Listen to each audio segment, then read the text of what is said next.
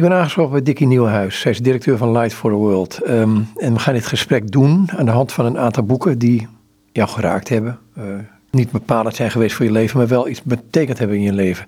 Um, maar allereerst naar de Light for the World. En daar ben je tenslotte directeur van. Um, ja, wat is het voor een club? Light for the World is een uh, organisatie, een Nederlandse organisatie, die uh, werkt in een aantal landen in Azië en in Afrika. Voor mensen met een handicap. Waarom heet het Light for the World?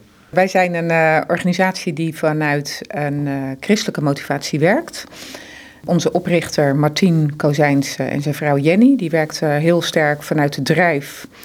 De Bijbeltekst uit Matthäus 25. Voor zover u dit mhm. voor een van de minste hebt gedaan, heeft u dat aan mij gedaan. Dat was voor hen een hele belangrijke drijf, is nog tot op de dag van vandaag. Uh, wat doen wij? Wij uh, werken aan het creëren van eerlijke kansen eerlijke kansen voor gezondheidszorg, voor oogzorg, voor onderwijs en werk voor mensen met een handicap. Wat is met die oogzorg begonnen? Klopt, het is. Uh, en, uh, Martien Kozijns was een oogarts. Dus vandaar ook dat Martien en Jenny, en eh, toen zij ook op een van hun reizen door Zuid-Afrika uh, waren, met name oog hadden voor uh, ook de vele blinde kinderen die ze onderweg bedelend langs de straat tegenkwamen. Daar waren zij zo door geraakt dat ze dachten, nou hier willen wij wat voor betekenen. Vanaf het allereerste begin hebben zij daarbij zowel oog gehad voor het medische aspect, de, de oogzorg, eh, de staaroperaties. Veel blindheid in ontwikkelingslanden is te voorkomen. Dus dat was het ene stuk van het werk. Maar vanaf het allereerste begin hebben zij ook oog gehad voor, voor inclusief onderwijs. Dus uh, een van hun eerste projecten was het begeleiden van een, uh, een school in Thailand om docenten op die school te trainen in het begeleiden van kinderen met een visuele beperking. We zouden dit gesprek doen aan de hand van een aantal boeken. Uh, ik begin bij Jan Brokken, um, een boek wat hier ligt. Um, ik ken van hem Baltische zielen en de rechtvaardig. En het is fantastisch om te lezen wat hij neerschrijft. Het is gedocumenteerd en, en je blijft er helemaal in. Maar dit is een ander boek. Dit is De Vergelding. Dit is ook het enige boek wat ik ken van Jan Brokken. Uh, maar dit boek is dat is zo veelbelovend dat ik, uh, ik, ik, zou inderdaad uh, meer, uh, meer van hem moeten lezen. Want dat moet ongetwijfeld goed, goed zijn. De vergelding speelt zich af in het Brabantse dorp Roon. En het speelt zich af in de oorlog. Nou, en ja, ik vond het echt een fascinerend verhaal, omdat je eigenlijk helemaal in dat dorp wordt gezogen. Mm Zal ik even vertellen waar het over gaat? Het is dus ook echt een. Um, het is eigenlijk een soort. ik noem dat altijd boeken die eigenlijk een soort documentaire zijn. Waar ik ook heel erg van hou. Uh, weet je, dus uh, gewoon ook echt een historische beschrijving. Maar op een hele toegankelijke manier. En een manier waardoor je ja, echt helemaal het verhaal ingezogen wordt. In Rome is op een zeker moment uh, in de oorlog in 1944. Is een Duitse officier. Is. Um, tegen een elektriciteitsdraad aangelopen en om het leven gekomen. Als gevolg daarvan vindt er de volgende dag een vergeldingsactie plaats, waarbij uh, zo'n zeven mannen uit het dorp worden doodgeschoten. Nou, de grote vraag op dat moment al, in 1944, maar die vraag is altijd gebleven in het dorp, is wie heeft dit gedaan? Wie is verantwoordelijk geweest voor dat spannen van die elektriciteitsdraad waar die officier tegenaan is gelopen? En tot op de dag van vandaag is er geen antwoord gekomen op die vraag. Er zijn wel allerlei vermoedens, allerlei geruchten. Um, nou, waarom raakte mij dat boek zo? Misschien allereerst wel gewoon door het feit dat. Ik weet even niet precies wanneer Jan Brokke dat verhaal heeft gelezen, maar eh, geschreven. Maar dat is dus ongetwijfeld lange tijd na de oorlog geweest. Op het moment dat hij dus onderzoek gaat doen, hij heeft iets van 188 interviews in het dorp gedaan. Allerlei mensen, allerlei betrokkenen dat dan dus die schaamte, maar ook ja, gewoon het er niet over willen praten, boosheid, alles is er nog. Zo lang na de oorlog. Dus dat laat ook zien hoe enorme impact zo'n oorlog heeft in levens van mensen. Het laat ook heel knap zien van dat in zo'n kleine gemeenschap, waarvan je dan denkt iedereen weet alles van elkaar, mensen eigenlijk ook maar heel weinig van elkaar weten. terwijl je dan zo dicht op elkaar woont in zo'n kleine gemeenschap. En het laat ook heel goed, misschien ook wel de complexiteit van het leven zien. dat een van de ehm, personen in het boek die uh, naar voren komt, is een vrouw. Die heeft drie kinderen. En die ontvangt allerlei Duitse soldaten, officieren. Nou, die heeft daar ook relaties mee. Nou, natuurlijk zeg maar iemand die per definitie fout is. Weet je wel, een foute vrouw in de oorlog. Haar man zit in Engeland, maar wat blijkt, zij krijgt geen enkele financiële ondersteuning van haar man. En zij heeft drie kinderen te verzorgen en zij leeft gewoon echt in diepe armoede. En op een zeker moment kiest zij ervoor dus om betaald haar lichaam te verkopen. Nou, vanuit uh, mijn stoel, uh, makkelijk stoel in 2020, denk ik dan van weet je, hoe ben je daartoe in staat? Maar dat is dan ook de werkelijkheid van, uh, ook wel de wreedheid van een oorlog en ook van armoede. Dus dat, dat laat hij ook heel mooi zien van ook wel de grijstinten in een oorlog. Ja, en vervolgens is het ook gewoon een hele soort detective. Hè, van wie is nou wie is de dader? Uh, nou, dan gedurende het boek krijg je steeds meer informatie. En aan het eind zijn er drie potentiële daders over. Maar Jan, dat, als de, voor de luisteraars die het boek nog niet hebben gelezen, aan het eind is er geen antwoord. Dus je blijft nadenken over wie van die drie heeft het nou gedaan. Je zegt twee dingen. Eén, die, die vrouw die prostitueert om haar kinderen uh, eten te geven. En je gebruikt het woordje schaamte over wat er gebeurd is. Ik ga nu naar Light of the World. Eh, kom je dat ook daar tegen? Want dat, daar zul je diezelfde begrippen tegenkomen als je met gehandicapt of mensen met een handicap in sommige landen, als je die tegenkomt, dan zul je diezelfde begrippen tegenkomen. Want diezelfde mogelijkheden. Ja, ik zit even te denken, de, de schaamte rond hè, de, ehm, nou, het, wat wij ook inderdaad veel tegenkomen in ons werk als Light for the World, die, die hangt vaak ook met name samen en rond eh, dat het hebben van een handicap gekoppeld wordt aan bijgeloof, aan stigma, aan er zal wel iets in jouw familie plaats hebben gevonden.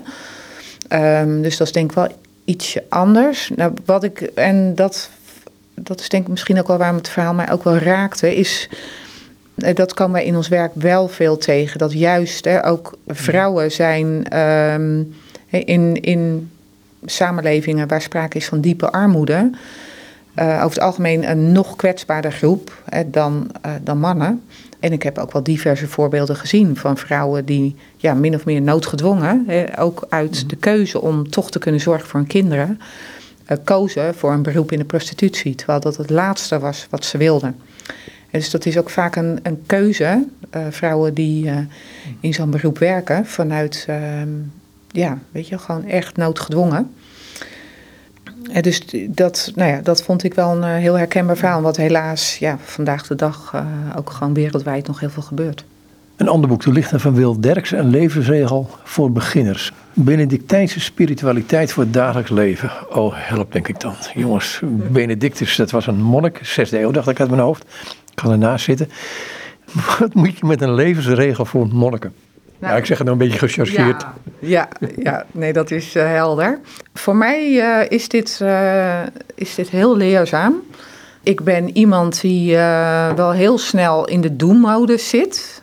Um, weet je, ik ben ook echt weet je, van het aanpakken en jongens vooruit. Word je daar niet moe van?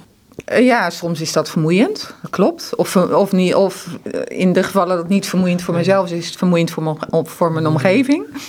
Wat betreft de Benedictijnse spiritualiteit, daar zit ook wel heel veel in vanuit stilte en vanuit rust en vanuit luisteren, tot keuzes komen. En ik denk ook dat luisteren is, laat ik het ook maar weer even persoonlijk houden, nou, dat is, dat is wel een uitdaging. Ik ben ook wel iemand die gewoon uh, wel goed weet waar ik naartoe wil. Ik heb bepaalde overtuigingen en opvattingen, die zijn ook best wel ergens op gebaseerd. Daar ben ik er ook wel weer van. Ik heb er altijd goede argumenten voor. Maar het helpt niet altijd in het luisteren naar de ander.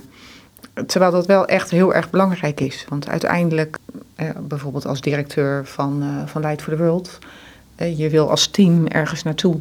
Dat doe je niet in je eentje. En dat begint dan ook gewoon heel goed luisteren met waar zit de ander en waar loopt hij tegenaan. Ook in ons werk, in de projecten, is dat ook een heel belangrijk principe. Van dat wij niet dingen gaan zitten bedenken voor de jongeren met een handicap waar wij bijvoorbeeld mee werken. Maar gewoon echt ook luisteren naar waar, lopen zij nou tegenaan? Waar zien zij oplossingen? Benedictus die biedt daar um, ja, denk ik hele mooie lessen voor. En die ook heel praktisch uh, toe te passen zijn. Dus dit is een boekje van Wil Derksen. Dit is een, eh, dit is een boek wat ook he, door niet-gelovigen gelezen kan worden en toegepast. Hij weet dat ook heel mooi te vertalen naar het alledaagse leven. Maar voor mijzelf als christen vind ik dit, uh, ja, heeft mij dat ook wel echt veel gebracht. Nog een stukje te voorlezen, willekeurig maar hoor. Oké, hier. Er is geen scheidslijn tussen het heilige, de altaardienst, en het simpelste werk, afwassen. De altaardienst zou aan spirituele kwaliteit inboeten wanneer de huishouding wordt verwaarloosd. De huishouding floreert meer naarmate de altaardienst eerbiediger wordt gecultiveerd. In een klimaat van niet verwaarlozen, het gebouw goed in de verf, mooi gereedschap, de toestand van de toiletten, de netheid van je serviceauto's, de leesbaarheid van het jaarverslag, een smaakvolle bedrijfsinrichting, de lijst kan eindeloos worden uitgebreid. Komt de waarde van alles tot zijn recht en straalt je organisatie uit dat er een goede spirit heerst. Maar die uitstraling zou onecht zijn als niet op enige wijze de altaardienst wordt gecultiveerd. Gelegenheid geven voor bezinning en studie, successen vieren, feestdagen serieus nemen. Met het managementteam geregeld enkele dagen van stilte, cultuur en rustig overleg vrijmaken. Nou, je, zei het net al, je zei luisteren en stilte heb je geleerd onder andere. Dit, dit, dit komt hier ook naar voren toe. Mijn vraag zou nou zijn, ik ga even terug naar wat je ervoor zei. Luisteren, daar heb je iets van uitgelegd. Um, maar je mag in relatie tot die stilte uit gaan leggen. Wat is luisteren in relatie, in relatie tot die stilte? En wat is stilte? Het is denk ik, zoals ik het in ieder geval gelezen heb, is ook wel daar echt, ook echt ruimte voor creëren in je leven. En waarbij het dan nog uh, een uitdaging is om ook die rust in je eigen hoofd te mhm. creëren. Maar zonder dat stilstaan uh, kom je daar nooit. en ik denk dat, en dat zit ook wel in onze samenleving, uh, maar ik ben daar ook wel gevoelig voor. Van weet je, dat altijd doorgaan en doorgaan en altijd overal op reageren en communiceren enzovoort. En op de een of andere manier geloof ik ook dat juist dat stilstaan en de stilte opzoeken een manier is waarop, je, hè, waarop ook God tot jou wil spreken. Dat is ook wat we in de Bijbel uh, heel veel tegenkomen. En natuurlijk het, belangrijke, het bekende voorbeeld uh, van God die niet door de storm of door de wind en de regen en onweer spreekt, maar juist in de stilte tot je komt. Dat is blijkbaar een, diepe wijsheid, waarvan het ook goed is om die ook heel bewust op te zoeken. Ja. Maar hoe, hoe, doe jij dat? Hè? Je gaat, ik, ik ken mensen die gaan de stilte in dan.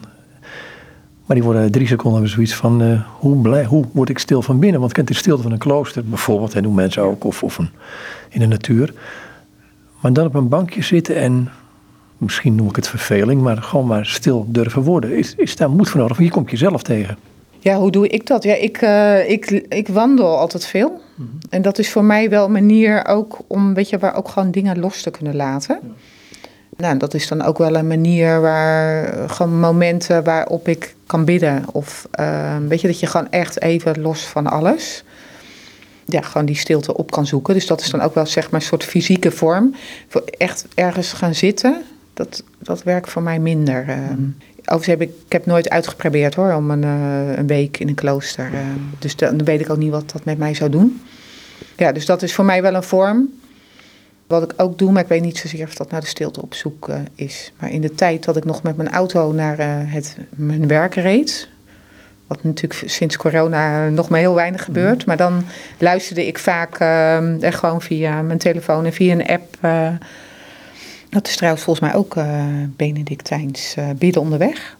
Weet je, dat is dan gewoon een hele korte meditatie waarin een bijbelgedeelte wordt gelezen. Dat is heel eenvoudig. Dus gewoon een bijbelgedeelte wordt gelezen, er worden een paar vragen gesteld en dan wordt het nog een keer gelezen. Dus het wordt niet ingevuld.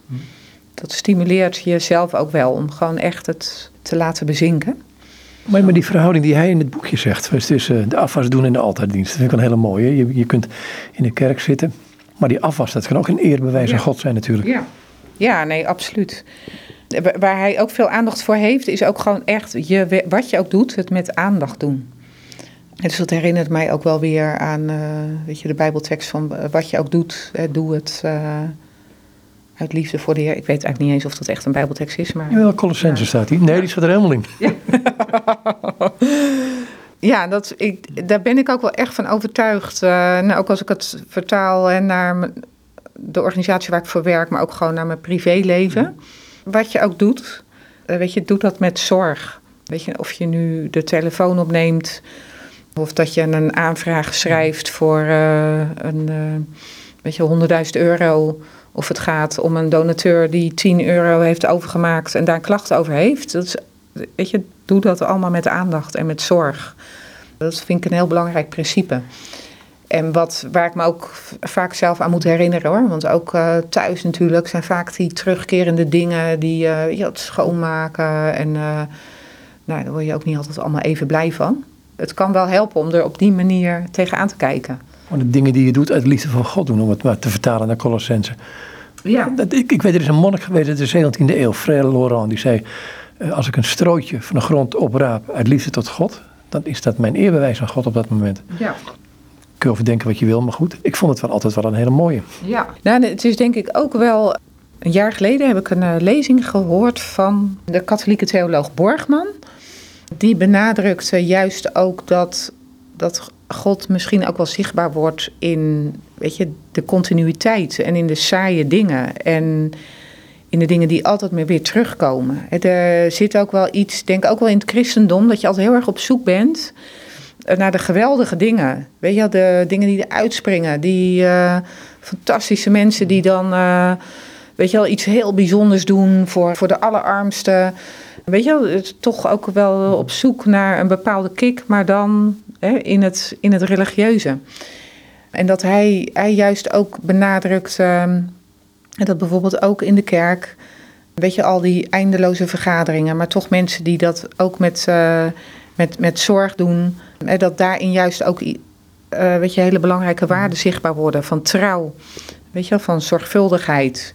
Nou, ik denk van uh, dat is ook iets van wat heel belangrijk is om oog voor te hebben. Weet je, en ik denk ook wel, er zit ook al een bepaalde mooie bescheidenheid in, wat mij betreft. Van we hoeven ook niet altijd in de grote dingen te zoeken, maar gewoon in hoe we van dag tot dag, weet je, ons dagelijks leven op een uh, goede manier invullen. Heeft het ook te maken met het feit dat wij de neiging hebben om het geestelijke van het alledaagse te scheiden. Terwijl het alledaagse net zo net zo'n eerbetoon aan God kan zijn. En misschien andere vraag moet ik, misschien moet ik een andere vraag stellen. Is dan in zin van, misschien proberen wij te vaak, misschien moet ik het zo vragen, proberen wij niet te vaak um, zingeving te geven of zin te geven aan de dingen die wij doen? Ik hoor mensen dit zeggen. Um, ik denk dat ik mijn gewone baan ermee opgegeven om um, in de dienst van de Heer te komen. En dan denk ik, jongen, waar heb je het over? Dat is ook wel mijn diepe overtuiging dat uiteindelijk wat je ook doet, uh, weet je, het kan altijd in dienst van de Heer zijn. Dus in die zin is wat jij ook doet, daar ligt altijd ook een kans hè, om het op een manier te doen. En dat hoeft dan helemaal niet heel groot te zijn. Dat kan gewoon al door gewoon trouw op jouw plek iedere dag uh, weer hetzelfde te doen, maar op een hele zorgvuldige manier en met open oog en hart voor de mensen om je heen in mijn werk kom ik dat ook wel regelmatig tegen. Van die mensen die dan een, uh, een roeping hebben of een gezicht van God dat zij echt dit werk moeten gaan doen. Eh, terwijl dan bij mij ook vaak de vraag is van oké, maar dan eh, aan mijn kant is dat nog niet helemaal helder. Of aan de kant van de organisatie. Dus er kan ook wel ja, iets... Um, Waarmee ik niet kan zeggen dat mensen gewoon ook absoluut geroepen kunnen worden en dat er dat soort uitzonderlijke situaties zijn. Maar uh, ik ben altijd wel daar wat kritisch in. Nou ja, nee, er ligt achter je staat zo'n mooie foto van Light for the World. En er staat een man die is het, uh, een kapper. Nou ja, zoiets. Dat, dat, dat, en, en ik heb dit een keer horen zeggen, de Wilfred Stienes, die zegt van ja, aan de ene kant, hè, als je je leven overgeeft aan Christus, dan zijn er momenten en weet je wat je doen moet. En andere momenten moet je gewoon, andere momenten doe je gewoon je plicht. En datgene wat je te doen hebt. Maakt ook niet uit wat. Ja, ja, ja weet je, kan er eigenlijk alleen maar op uh, beamend op, uh, op antwoorden. Ja. Oeps, nou dan gaan we naar een ander boek toe. Geert Max, De Levens van Jan Six. Het zal, we gaan het over iets heel anders hebben dan. Ja. Waar gaat het over? De familie Six. Uh, nou, ik denk de luisteraars kennen Geert Mak wel. Dus ik, ik vind het een fantastische schrijver. Al veel van gelezen. ik hou ook wel van geschiedenis. Dus dat, dat moet je bij Geert Mak moet je wel een beetje wat bij hebben. Maar de familie Six is een familie die al eeuwenlang in eh, Amsterdam woont. En daar ook een familiehuis hebben, waar dus generaties Six hebben geleefd en gewoond. In dat huis is ook nog heel veel aanwezig van allerlei voorwerpen van eh, de generaties eh, voor de huidige familie Six. Boeken, dagboeken, schilderijen. Geert Mak die duikt daar helemaal in en uh, nou, onthult daarmee niet alleen de familiegeschiedenis, maar het geeft ook een heel mooi tijdsbeeld van uh, de 17e eeuw tot op heden. Nou, waarom ik het ook een, eh, een leuk boek vind, is dat de familie Six had een, uh, een buitenverblijf in Hillegom. En ik ben zelf in Hillegom uh, opgegroeid. Nou, Hillegom komt ook veel voor in het boek. Dus dat is voor mij als Hillegoms al heel erg leuk. Bij Six moet ik ook altijd als eerste denken aan het bruggetje van Six. Dat is een ets van Rembrandt. En ik heb ooit op de lagere school, dat is even iets over mijn jeugd. Ik woonde met mijn ouders en zussen en broer in Hillegom. Maar wij gingen naar school in Lisse. Dat had te maken met de kerk. Wij gingen naar de kerk in Lisse en de school hoorde bij de kerk. Dus wij waren helemaal georiënteerd op, eh, op Lisse. Maar er was altijd een, uh, van ouds is een rivaliteit tussen de Hillegommers en de Lissers. Lissers kijken altijd een beetje neer op de Hillegommers, want dat zijn boerenpummels. Nou, en Hillegommers vinden Lissers arrogant. En ik heb toen op de, in klas 6, nu groep 8, een spreekbeurt gehouden over Hillegom. En toen dacht ik, ik ga ze even Hillegom daar neerzetten, dat de, waar de lissers niet tegenop kunnen. Dus toen heb ik allemaal dingen genoemd waarvan ik zeker wist dat de lissers dat niet over Lissen konden vertellen. En een van de dingen was, Rembrandt heeft een ets gemaakt over Hillegom, het bruggetje van Six. Nou, dat konden de lissers niet vertellen. Echter, door het lezen van het boek van Geert Mak ontdekte ik dat het bruggetje van Six zeer waarschijnlijk helemaal niet in, uh, in Hillegom zich bevond. Dus, uh, Lisse? En nee, nou, dat mag ik toch hopen van niet. Hè? Dat ben ik eerlijk gezegd. Ik denk het niet, want dan had ik het onthouden. Dat, ik weet niet meer waar het dan wel stond. Het staat ergens in het boek. Heeft die rivaliteit je leven bepaald? En nee, nee. Nee, wel misschien het punt dat, uh, wat ik zei, wij woonden in Hillegom uh, en het huis van mijn ouders stond uh, midden in de Bollevelden. Mijn vader komt uit een, een bolleboerenfamilie. En het huis stond dus ook naast de voormalige bollenschuur, die ehm, op het moment dat ik opgroeide niet meer van mijn vader was. Maar we, we woonden daar aan de rand van het dorp. ons sociale leven speelde zich af in Lisse. Dus daardoor heb ik, eh, ik heb me nooit echt een, wel, eh, enerzijds wel verbonden gevoeld met Hillegom, maar voor een groot deel ook niet. Omdat ik had ook geen vriendinnetjes daar in de buurt. Nou, dat is misschien wel een beetje bepalend geweest dat ik er, en ook met mijn man en ons gezin, heel bewust voor heb gekozen om in een plek te wonen waar de kinderen naar school gaan, waar we naar de kerk gaan. En ik kan er tot op de dag van vandaag van genieten dat mijn kinderen vriendjes hebben in een straat verderop. En dat je twee straten verderop je hand kan opsteken naar iemand van, weet je, die je kent van school of van de kerk. Of, dus daarop terugkijkend heb ik dat wel gemist. Een stukje het lezen of van een ander boek gaan? Uh, laten we naar een ander boek gaan. Oké, het achterhuis. Ja, het achterhuis. Dat ziet er, ziet er al gelezen uit? Ja, redelijk. Ja, nee, ik, ik, ik, volgens mij hebben we drie versies of zo naar huis. Dus ik heb even één gegrepen. Mhm. Ik heb het eigenlijk al heel lang al niet meer gelezen. En toen ik uh, in voorbereiding op dit interview nog eens even doorbladerde, dacht ik, oh, ik zou het eigenlijk gewoon weer eens moeten lezen. Maar waarom ik het heb meegenomen is, ik heb ooit lang geleden school journalistiek gedaan. Ik ben ook wel echt een schrijver. Ik ben ook iemand die met liefste uit in schrijven. Kan ik me ook het meeste helder in uh, uitdrukken. En ik ben eigenlijk ooit begonnen met schrijven na het lezen van het Achterhuis. Mm -hmm. Ik was toen dertien. En ik las Anne Frank. Nou, Anne Frank was 14, uh, eh, dacht ik toen zij dit schreef. En toen ben ik ook onmiddellijk een dagboek begonnen. En dat heb ik nog jaren daarna volgehouden. Maar dat is echt geïnspireerd geweest door, uh, door Anne Frank. Nou, het niveau van Anne haalde ik natuurlijk bij lange na niet. Het blijft natuurlijk ook wel heel bijzonder van hoe zij schreef als 14-jarige. Ik hoorde recent nog dat uh, Holocaust-ontkenners, die, uh, één, die hebben natuurlijk allerlei argumenten waarom ze de Holocaust ontkennen. En eentje daarvan is de, het niveau van het dagboek van Anne Frank. Van dat kan zo'n meisje toch nooit geschreven hebben. En dat blijft natuurlijk wel heel bijzonder van hoe zij, uh, hoe zij dat uh, heeft geschreven. Klein stukje lezen. Ja.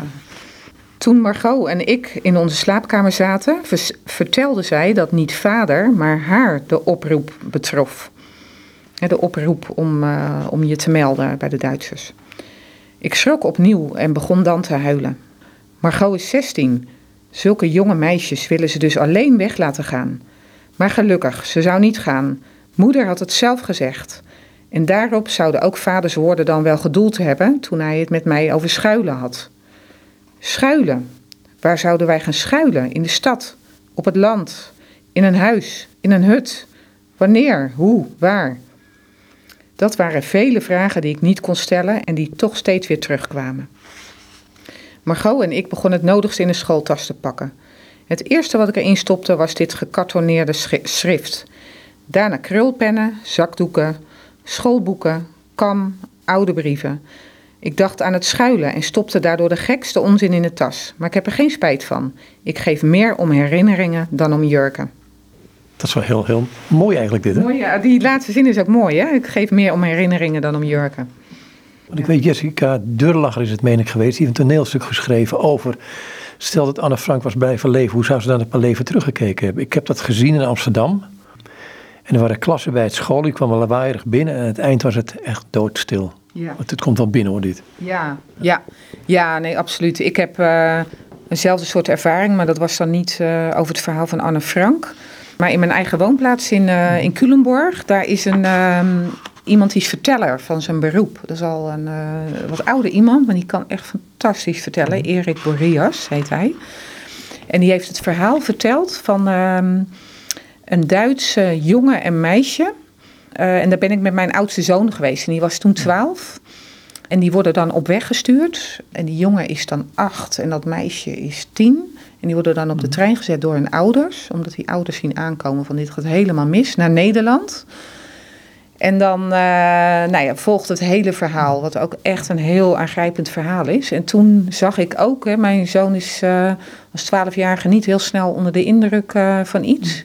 Die ziet natuurlijk ook van alles voorbij komen op Instagram en alles. Maar die was daar toen echt diep van onder de indruk. Ja. Dus dit soort verhalen zijn ook, is echt heel erg belangrijk dat dat verteld blijft worden. Ik ben trouwens ook met uh, Tijn, heet hij, met mijn oudste, ook twee jaar geleden naar het, naar het achterhuis geweest. Ook een hele mooie ervaring. Mooi? Nou ja, mooi en indrukwekkend. En ja, het heeft ook iets heel onwerkelijks. Uh, vind ik. Zo'n huis waar je dan in loopt. En je ziet natuurlijk nog die knipsels van Anne tegen die muur geplakt. Ja, onwerkelijk. En tegelijkertijd komt het daardoor ook wel, uh, wel heel dichtbij. Uh, ja. En het verraad? Ja, dat is natuurlijk ook iets waar tot op de dag van vandaag over wordt, wordt gespeculeerd. Maar wat ook wel heel aangrijpend is, dat dat kan. In een dus, dat kan dus blijkbaar in een samenleving. Hè, waarin een groep die waar eigenlijk eh, geen aantoonbare redenen zijn waarom ze zo hard aangepakt moeten worden. Dat er dus langzaam maar zeker het normaal gevonden wordt dat deze mensen worden opgepakt, dat ze worden beschuldigd. Ja, en dat mensen dan ook dit soort families gaan aangeven. Dat is, uh, nou, er zijn natuurlijk ook vele boeken over geschreven van hoe dat kan. Hè? Dat het zo geaccepteerd was dat dit gebeurde. Dat duizenden, miljoenen Joden werden weggevoerd. En daar is natuurlijk Nederland ook, ook een, heeft, nou, is daar gewoon onderdeel van geweest. En in Nederland ging het heel snel. Binnen twee jaar waren de meeste weg, dacht ik. Ja, ik, weet er niet exacte feiten van. Hè, maar daar, ik herinner me op, mijn middelbare school al, nou, dat is inmiddels al lang geleden, dat uh, daar diverse lessen aan werden besteed. Van waarom is zeg maar, het percentage van Joden, wat is weggevoerd in Nederland, is, dacht ik, het hoogste van alle Europese landen. En dat heeft deels ook te maken met onze infrastructuur, met het feit dat wij geen onherbergzame bergen hebben enzovoort. En maar blijkbaar ja, was er ook iets in ja, gewoon uh, onze mentaliteit. Nou ja, er zijn natuurlijk hele moedige mensen in Nederland geweest die daar uh, tegen in verzet zijn gekomen. Maar dat zijn wel de uitzonderingen geweest. Ja, wegkijken leek wel de norm te zijn. Ja, ik durf ook niet mijn hand ervoor in het, in het vuur te steken dat, uh, weet je, als het in deze tijd zou gebeuren, weet je, en je hebt zelf een gezin ja. en je weet uh, dat dat je leven kan kosten, van uh, welke keuze maak je dan? Dat vraagt wel een heel sterk innerlijk moreel kompas. Ja, het is ook geen abstracte vraag die je hier kunt stellen bijna. Hè? Nee, is, ja. het is in de praktijk als iemand voor je staat, wat doe je dan? Hè? Ja. Er ligt een ander boek um, over het pauperparadijs. Ja, het Pauperparadijs is uh, geschreven door Suzanne Jansen. Nou, en ik heb dat echt een fascinerend boek gevonden, ook van, vanuit mijn werk. Suzanne Jansen die, uh, die speurt vijf generaties uit haar uh, eigen familie na. En haar moeder die vertelde haar namelijk altijd het verhaal dat er geruchten waren dat haar, haar voorouders uit een voorname familie kwamen. En dat zijn een erfenis hadden misgelopen. Dus nou, zij is journalist, dus zij was er heel erg nieuwsgierig naar. En um, zij is dus een zoektocht gestart. Maar wat zij eigenlijk ontdekte was niet dat uh, haar voorouders welvarend waren, maar juist dat zij in diepe armoede leefde. Dat, haar familie had dus ook in Veenhuizen, in de Veenkolonie, gewoond. Nou, en daarmee ontrolde zich eigenlijk de hele geschiedenis. toen zij daar verder indoken van waarom waren die Veenkoloniën daar gekomen. Nou, wat ook het hele boeiende is, is dat zij heeft heel veel over haar familie terug kunnen vinden. Waarom? Omdat in, uh, nou zeg maar in de 18e, 19e eeuw werden eigenlijk over twee groepen mensen werd er veel gedocumenteerd. De ene groep was de elite. En de andere groep waren de extreme paupers, hè, vandaar het pauperparadijs. Omdat die vaak in aanraking kwamen met de politie. Of die zwierven op straat, uh, of die kwamen in de veenkolonie. En dat werd ook allemaal netjes geregistreerd. Dus zij kon heel veel informatie over haar familie vinden vanwege het feit dat ze helemaal aan die onderkant van die samenleving zaten. Nou, wat ik uh, een heel boeiend aspect vond van uh, haar boek, was dat ook in die tijd, het speelt zich dan met name ook in de 19e eeuw af, uh, was er in Nederland een enorm debat over zeg maar de armoedeproblematiek. Hoe kan je nou armoede het beste aanpakken? Ik vond het zo interessant omdat dat uh, heel vergelijkbaar is met de debatten die vandaag de dag ook eh, binnen mijn vakgebied, binnen ontwikkelingssamenwerking plaatsvindt. Van uh, helpt hulp, hè, überhaupt. Kan je mensen een stapje verder helpen? Kan je structurele veranderingen in een samenleving bewerkstelligen? en zo ja, op welke manier moet je dat dan doen? Moet je dan eigenlijk heel erg onderaan beginnen hè, bij de mensen om wie het gaat? Of moet je veel meer aan structurele veranderingen werken? Of is het een combinatie van die twee? Nou, en in die tijd van ehm, dat die veenkoloniën uh, gesticht werden. Nou, er was um, een hele belangrijke persoon daarin, is uh, Johannes van der Bos geweest. En die was de initiatiefnemer van de maatschappij van uh, de weldadigheid. En dat was echt een man die was enorm bewogen met het lot van de duizenden armen in de steden. Nou, ik, ik, nog een ander boek wat ik niet heb meegenomen, maar wat ook echt in dat kader een heel uh, een aanrader is, is Koninkrijk van Sloppen. Dat gaat over de mhm. situatie in de steden in Nederland in de 19e eeuw. Nou, dat is echt vergelijkbaar met de uitgestrekte sloppenwijken die je nu in Nairobi uh, en New Delhi enzovoorts tegenkomt. maar dat was de situatie. En die Johannes van der Bos die wilde daar heel graag wat aan doen.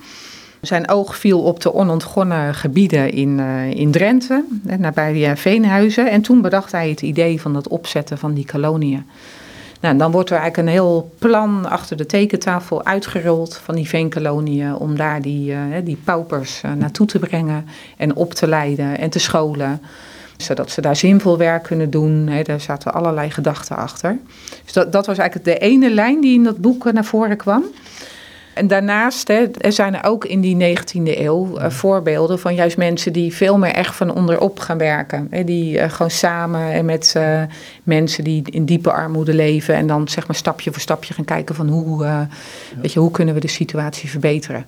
Nou, daar kan ik heel veel over zeggen, maar wat in ieder geval wel heel helder is, is dat die, in die veenkolonie heel veel mensen van de regen in de drup belanden nou, het is een groot woord om te zeggen van dat het concentratiekampen waren, maar dat was wel echt, het waren verschrikkelijke toestanden.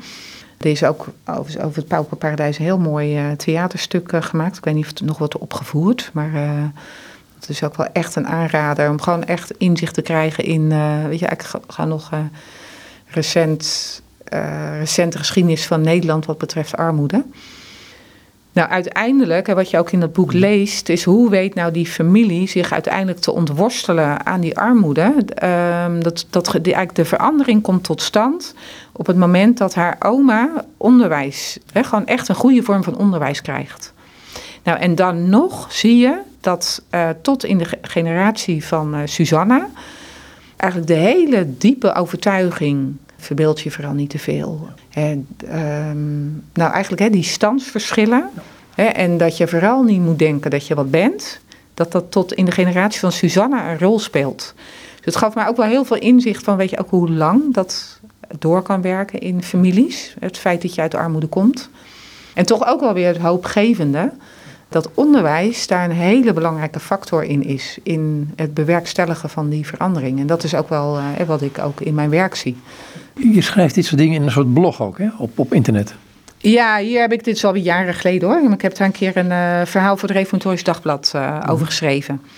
Dus mensen die erin geïnteresseerd zijn, die... Uh... Ja, de lees stiekem mee. Het is vier minuten leestijd en er staat erboven, of staat erbij... goede intenties zijn niet genoeg. Ja, ja. Nou ja, dat blijkt wel duidelijk. Hè? Die, wat ik zei, die Johannes van der Bos, die was echt bewogen. Hè? Met die duizenden armen die die daar in die krulten in, die, in de steden tegenkwam. En die is met de beste intenties die schets gaan maken van die veenkoloniën. En die heeft het mooi bedacht met hele goede bedoelingen. Maar het werkt uh, hopeloos uit. De mensen die daar in die veenkolonie kwamen, die werden in heel veel gevallen eigenlijk nog kleiner gemaakt dan ze al waren. Want in die, uh, in die steden, um, nou, daar hadden ze in ieder geval nog meer vrijheid dan in die veenkolonie. Want daar werden ze aardig kort gehouden en klein gehouden. En het hielp ze bepaald niet, want op het moment dat je in die veenkolonie zat, dat was een soort fuik. op het moment dat je erin zat, dan kwam je er niet meer uit. Want als jij uh, bekend was dat je uit de veenkolonie kwam, nou, je kwam echt nergens aan de bak. Wat het verschil met dit, hè? Um, Light of the World. Want jullie gaan er ook aan het werk. Ik moet dan denken aan het woordje, het woordje waardigheid. Ja, dat is een hele belangrijke. En juist daarom uh, werken wij ook uh, als Light for the World ook heel sterk vanuit het principe dat het moment dat wij uh, projecten ontwikkelen hè, voor mensen met een handicap, dan willen wij dat altijd samen met hen doen. Vanuit goede bedoelingen, wat ik net ook zei, van kan je prachtige oplossingen bedenken. Maar zolang de mensen die het betreft niet het idee hebben dat het over hen gaat, dat het niet de problemen adresseert waar zij echt mee te maken hebben. En het kan zomaar zijn dat je dat over het hoofd ziet. Uh, weet je, dan leidt het uiteindelijk nergens toe. Dus wij vinden het echt heel belangrijk op het moment dat wij bijvoorbeeld uh, gehandicapte jongeren uh, trainingen willen ontwikkelen om hen te helpen de arbeidsmarkt op te komen. Dan zullen wij hen daar altijd zelf bij betrekken. Om gewoon ook echt van hen te horen van waar loop je nou tegenaan op het moment dat jij uh, een opleiding wil starten? Waar loop je tegenaan op het moment dat jij ergens wil solliciteren? En dan ook met hen verder nadenken over wat zijn daar dan goede oplossingen voor. En dat dan ook samen met hen gaan testen. Dus dat is ook gewoon een, ja, een onderdeel van hoe je professioneel je werk doet.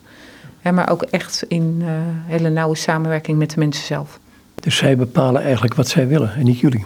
Ja, en dat is natuurlijk ook altijd een interactie. Hè? Dat, uh, het kan soms ook heel goed zijn om uh, te proberen van kan je mensen ook net een drempel overhelpen. Als ze in eerste instantie denken van dit wordt niks.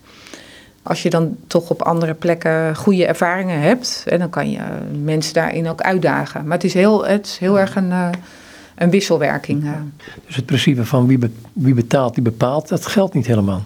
Nee, nee zeker niet. Maar die blog nog even over jou. Ja. Want je hebt, je hebt ook een blog op het internet, dacht ik gezien. Een aantal van die korte verhalen die je schrijft. Een van de laatste ging over Irma, als het goed is.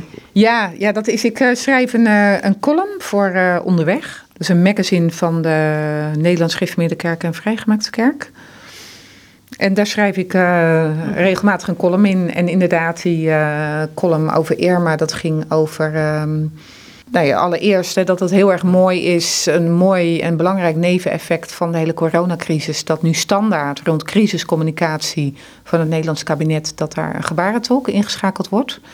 Wat een hele belangrijke stap is, ook in toegankelijke communicatie in Nederland. Dat uh, en mensen die doof zijn of die slechthorend zijn, uh, nu ook ja, standaard daarin meegenomen wordt.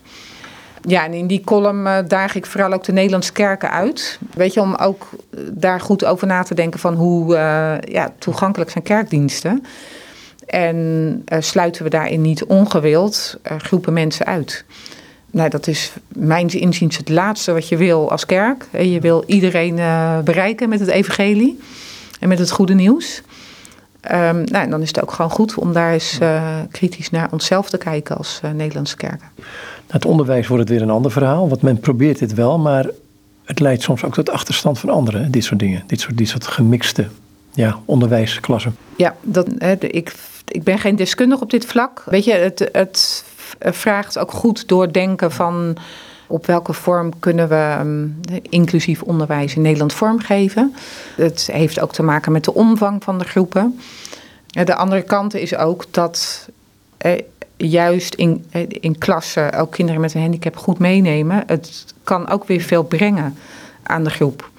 En aan, al is het ook maar aan het besef van dat uh, kinderen met een handicap, dat die er ook zijn in de samenleving. Ik heb zelf als kind, ik, uh, ik herinner me wel dat bijvoorbeeld bij ons in de kerk waren er dan kinderen met syndroom van Down. Of een kind in een rolstoel. Uh, maar die kwam je op school nooit tegen. Weet je, dat was een andere wereld en die werden in, in instituten opgevangen. Weet je, en in bepaalde gevallen kan dat de beste oplossing zijn. Maar er zijn ook heel veel gevallen waarin het een hele goede oplossing kan zijn om een, uh, om een kind in een gewone schoolklas mee te nemen. Want hoe doen jullie dat met Light of the World? Jullie proberen dat wel in, in hè, waar je in Oeganda, Kenia en, en diverse landen in Afrika, Azië bezig zijn? Ja, en daarbij is het ook belangrijk om op te merken dat, weet je, een schoolsysteem eh, zoals in Nederland, dat is er in, uh, in deze landen heel erg vaak niet. Light for the World werkt ook in situaties waarin je bijvoorbeeld in kleine dorpen in uh, Hartje, Oeganda werkt, waarbij er maar één keuze is, namelijk uh, de lokale dorpsschool. Daar heb je dan geen instellingen voor speciaal onderwijs of iets dergelijks. En daar kan het al een hele belangrijke stap zijn dat kinderen in ieder geval ook een plaats krijgen in de klas. En dat je dan ook goed kijkt van uh, wat hebben docenten dan nodig, bijvoorbeeld om een, uh, een blind kind mee te nemen of een, uh, een kind wat doof is. En wat zijn dan vormen waarop dat onderwijs op hele eenvoudige manieren hè, dan toch, toch ook plaats kan vinden. En bijvoorbeeld, nou, een mooi voorbeeld vind ik altijd dat ik een keer op een school in Oeganda ben geweest en die hadden bijvoorbeeld op het schoolplein hadden zij bloemperken aangelegd, waardoor blinde kinderen ook precies wisten waar zij waren op het schoolplein. Dus het gaat om hele eenvoudige middelen, waarmee je dan toch uh, net wat stappen kan zetten, dat die kinderen zich ook uh, makkelijker kunnen bewegen op zo'n school. Ben Tichelaar, mooi werk.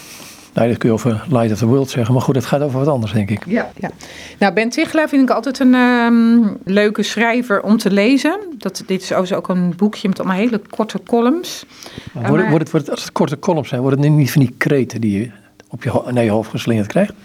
Ja, nou weet je, ik ben, ik ben eigenlijk, om heel eerlijk te zijn, ik ben uh, ook niet echt een liefhebber van uh, managementboeken.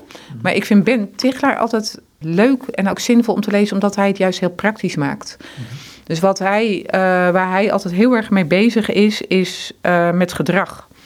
Dus met welk gedrag. En we kunnen uh, van, zeg maar, ronkende taalgebruik is niet heel ingewikkeld. Allerlei mooie doelstellingen en missies. grote, grootse vergezichten, dat is ook niet moeilijk om dat te schetsen. Maar hoe bewerkstellig je nou uiteindelijk een verandering? Dat uiteindelijk gaat het altijd om verandering van gedrag, van jezelf, en ook nadenken over van wat heeft die ander nodig om zijn gedrag te veranderen. Nou, gedragsverandering is een van de moeilijkste dingen volgens mij in uh, deze wereld. In mijn werk hebben, hebben, we daar natuurlijk ook veel mee te maken. Maar ja, weet je, denk maar even na voor jezelf. Als jij een bepaald patroon hebt, van bijvoorbeeld, ja, in mijn geval, van als je altijd. Ik heb altijd heel erg de neiging om altijd bezig te zijn. Waar we het aan het begin van het gesprek ook over hadden. Weet je, en dan tot stilte en tot rust komen. Nou, dat zeggen is ook nog best wel makkelijk. Maar dan vervolgens, hoe kom je daar dan toe? Nou, ik vind, hij heeft er altijd hele eh, praktische tips voor. Hij zegt dan ook altijd, je moet dan ook het gedrag zo makkelijk mogelijk maken. Dus zorg er dan bijvoorbeeld voor dat als jij uh, niet meer wil snoepen, zorg er dan heel concreet voor dat er niet uh, een pot snoep op je bureau staat, maar Zorg er dan voor dat er een schaal appel staat. Ja, dat klinkt te simpel voor woorden, maar dat kan je vertalen naar allerlei andere gedragsveranderingen. Als jij dagelijks uh, een meditatiemoment uh, wil hebben, maar je weet dat het voor jou heel makkelijk, nog veel makkelijker is om uh, snel je laptop open te klappen en al je social media te checken, leg dan s'avonds je Bijbel op je toetsenbord. weet je, dat soort. nee, daar, daar hou ik altijd wel van. Dat het heel praktisch en heel concreet wordt gemaakt zodat het je ook echt helpt om die stappen te zetten. Ik ga nog een laatste boek. Isabel Allende, Het land onder de zee. Um, waar gaat het over? Het um, boek speelt zich af in, uh, in Haiti. Haiti is um, een eiland in het uh, Caribisch uh, gebied. Hè, waarbij de ene helft de Dominicaanse Republiek is en de andere helft Haiti. Nou, het eiland onder de zee gaat over speelt zich af in de 18e eeuw. In ook de tijd dat Haiti een onafhankelijke republiek werd.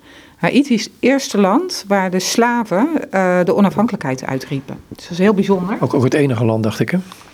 Oh, dat zou zomaar kunnen. Nou, dan weet je meer dan ik. Maar, uh, mm-hmm.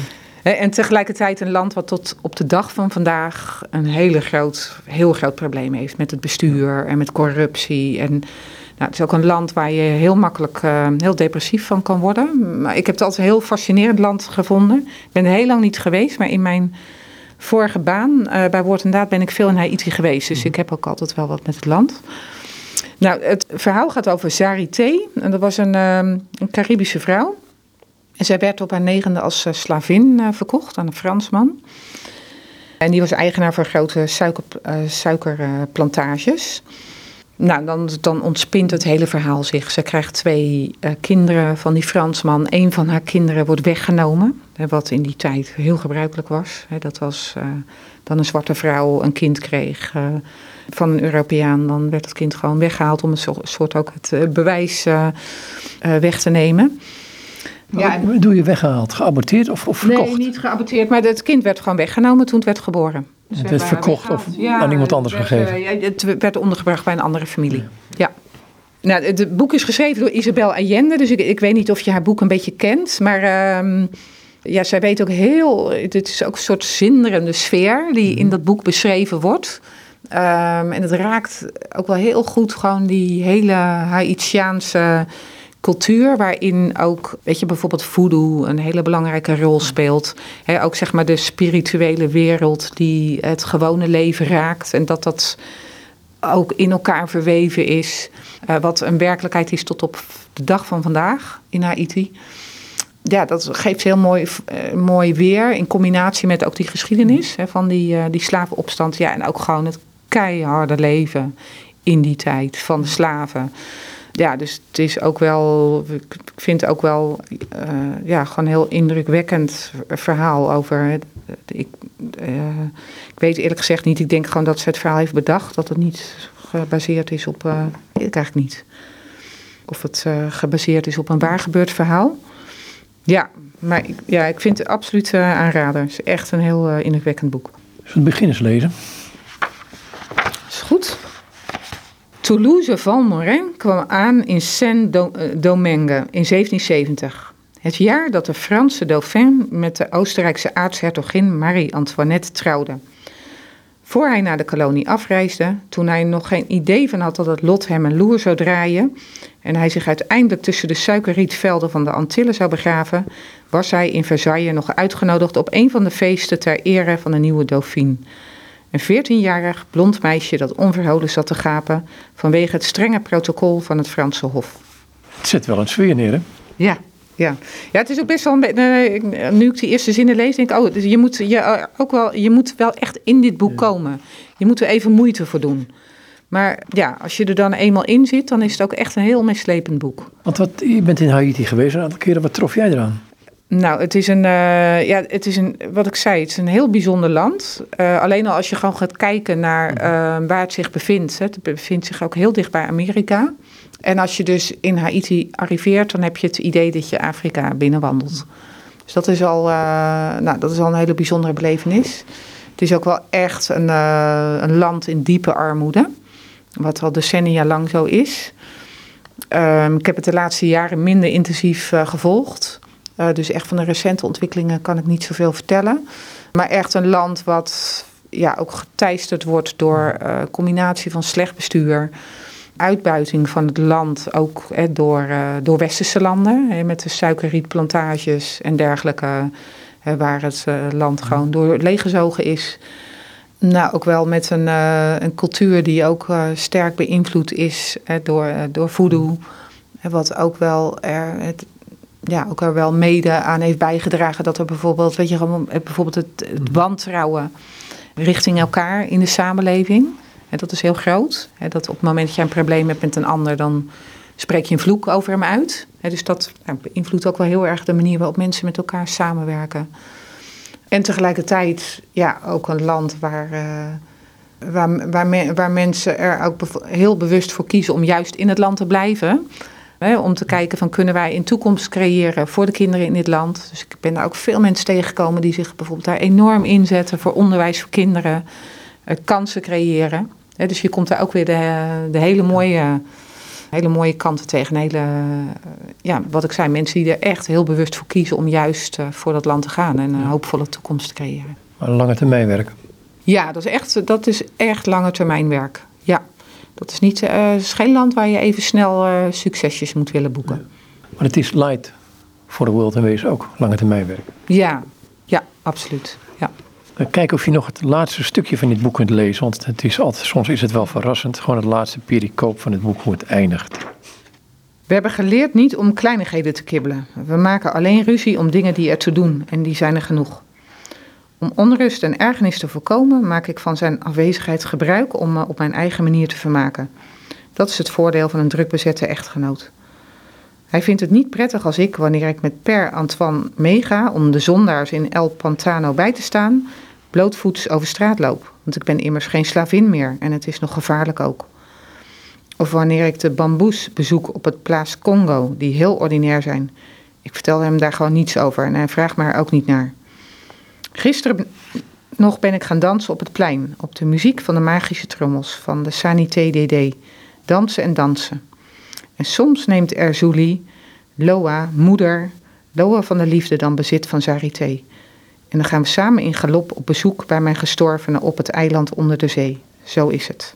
Ja, dat is een bizar einde dit. Ja, ja, ja, dit is ook echt Isabel Allende. Hè. Zij heeft dat in veel van haar boeken. Van, uh, en ook in deze laatste mm alinea gaat eigenlijk die, eh, die spirituele wereld. Hè, van ook ja. uh, die uh, nou, in dit boek ook uh, beschreven wordt. Hè, van eigenlijk ook de goden waar de, mm hè, de slaven ja, in geloven. En eigenlijk dat ook, ja, die zeg maar, dat, die erediensten bijvoorbeeld, die dan ook in, in het geheim worden gehouden, maar waarmee ze ook een verbinding hielden hè, met het land waar ze vandaan kwamen. Kijk, als christen kan je zeggen, oh, dat is allemaal uh, fout en, uh, enzovoort. Hè. En daar zit, um, er zit ook absoluut een zwarte kant aan. En maar als je gewoon even nadenkt, hè, wat die slaven is overkomen, weggerukt mm-hmm. hè, uit, uh, hè, vanuit de landen waar ze vandaan kwamen, neergezet in een totaal nieuw land, is het ook heel begrijpelijk dat ze op die manier ja, die verbinding met hun voorouders ook vast wilden houden. Merk je dat dat in zo'n land als je in Haiti bent, maar ook in andere landen waar jullie met Light for the World werken, dat dat een belemmering kan zijn en datgene wat jullie willen doen? Dat wat een belemmering kan zijn? Nou, die, het, het feit dat er zo in die voorouders teruggegrepen wordt, waardoor bepaalde processen niet op gang kunnen komen.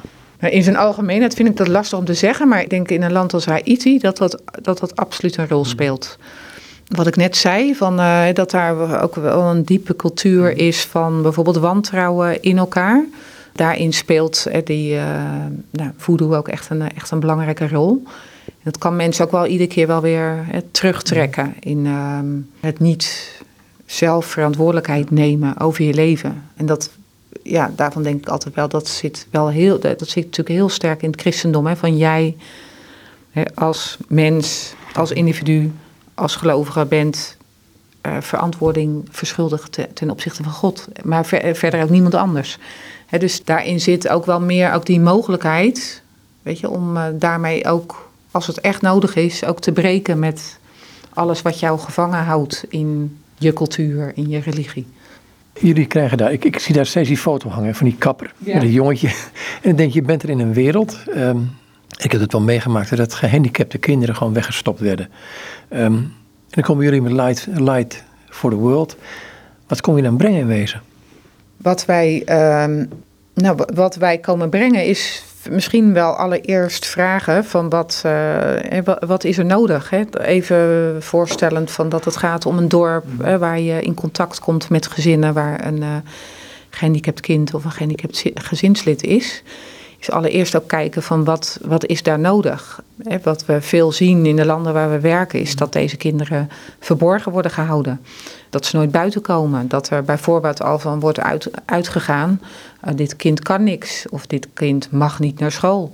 Want uh, die scholen die willen dat helemaal niet. dus dat is dan ook allereerst gewoon ook echt in gesprek gaan. Kijken wat hebben deze mensen nodig. Er, kan, er zitten ook heel vaak financiële redenen achter waarom bijvoorbeeld kinderen niet de juiste hulp krijgen. dus dat, ja, dus dat is ook meer gewoon eerst afstemmen op uh, wat is hier nodig. Dat doen we dus ook heel vaak met door. We vinden het ook heel belangrijk om zelf ook te werken met medewerkers in de landen zelf die zelf ook een handicap hebben. Omdat zij ook veel makkelijker deuren kunnen openen en ook openen. En ook veel makkelijker begrijpen van wat speelt hier nou echt. Je bent directeur van Light for the World. Um, Wat beoog je voor de komende tijd, voor de komende jaren? Voor de komende jaren willen wij ehm, aan een aantal uh, zaken werken. Allereerst uh, willen wij uiteraard zoveel mogelijk mensen in de landen waar wij werken bereiken met goede oogzorg. En met da daarnaast het projecten die de kans vergroten op een eerlijke kans op onderwijs en werk. Dat is een hele belangrijke. Wat wij richting de komende vijf jaar, we zijn nu net bezig met onze plannen voor de komende vijf jaar, is dat wij uh, in een beperkt aantal landen, dat zullen zo'n drie tot vier landen worden, nou, willen wij gewoon een heel uh, zeg maar compact programma ontwikkelen, waarin we dus aan die twee zaken werken. Enerzijds gewoon een goede oogzorg bieden en aan de andere kant een programma rond sociale toegankelijkheid, participatie van uh, mensen met een handicap in de samenleving. Wat wij daarin ook willen doen, is dat willen wij heel graag uh, doen in samenwerking met st sterke lokale partners. Dat doen wij nu ook al, maar dat willen we richting de komende jaren nog, nog sterker doen. Dus en daar nog actiever bij inschakelen. In de afgelopen jaren hebben wij uh, ook veel gewerkt met eigen teams in de landen. En we willen dat nu ook uh, sterker gaan doen met uh, lokale organisaties. Wat we daarbij ook willen doen, is uh, dat wij onze samenwerking mm -hmm. met organisaties zoals Woord en Daad, zoals ZOA, zoals Dorcas, verstevigen. Dus in die landen willen wij ook heel graag kijken, hoe kunnen wij er nou voor zorgen dat een onderwijsprogramma van Woord en Daad um, of een noodhulpprogramma van ZOA, dat dat ook toegankelijk wordt voor kinderen of jongeren of volwassenen met een handicap. Dus daarin kunnen wij eigenlijk met een vrij bescheiden investering, kunnen wij hele, hele grote impact bereiken. Op het moment dat wij bijvoorbeeld zelf schooltjes gaan opzetten voor uh, dove en blinde kinderen, uh, dat is veel duurder dan wanneer wij binnen de scholen, die wordt inderdaad al uitstekend organiseert, hoe kunnen wij daar nou in die schoolbanken ook uh, een aantal gehandicapte kinderen krijgen? Nou, dus dat is ook een hele belangrijke doelstelling voor de komende jaren. Dat doen jullie met Light for the World. Hey, je hebt een website. Uh, onze website is www.lightfortheworld.nl. Goed, ik wou het hier wel laten. Dankjewel. Nou, jij ook bedankt. En dit is Dikkie Nieuwenhuis. En met haar was ik in gesprek over Light for the World, maar ook over een groot aantal boeken die hier op tafel liggen.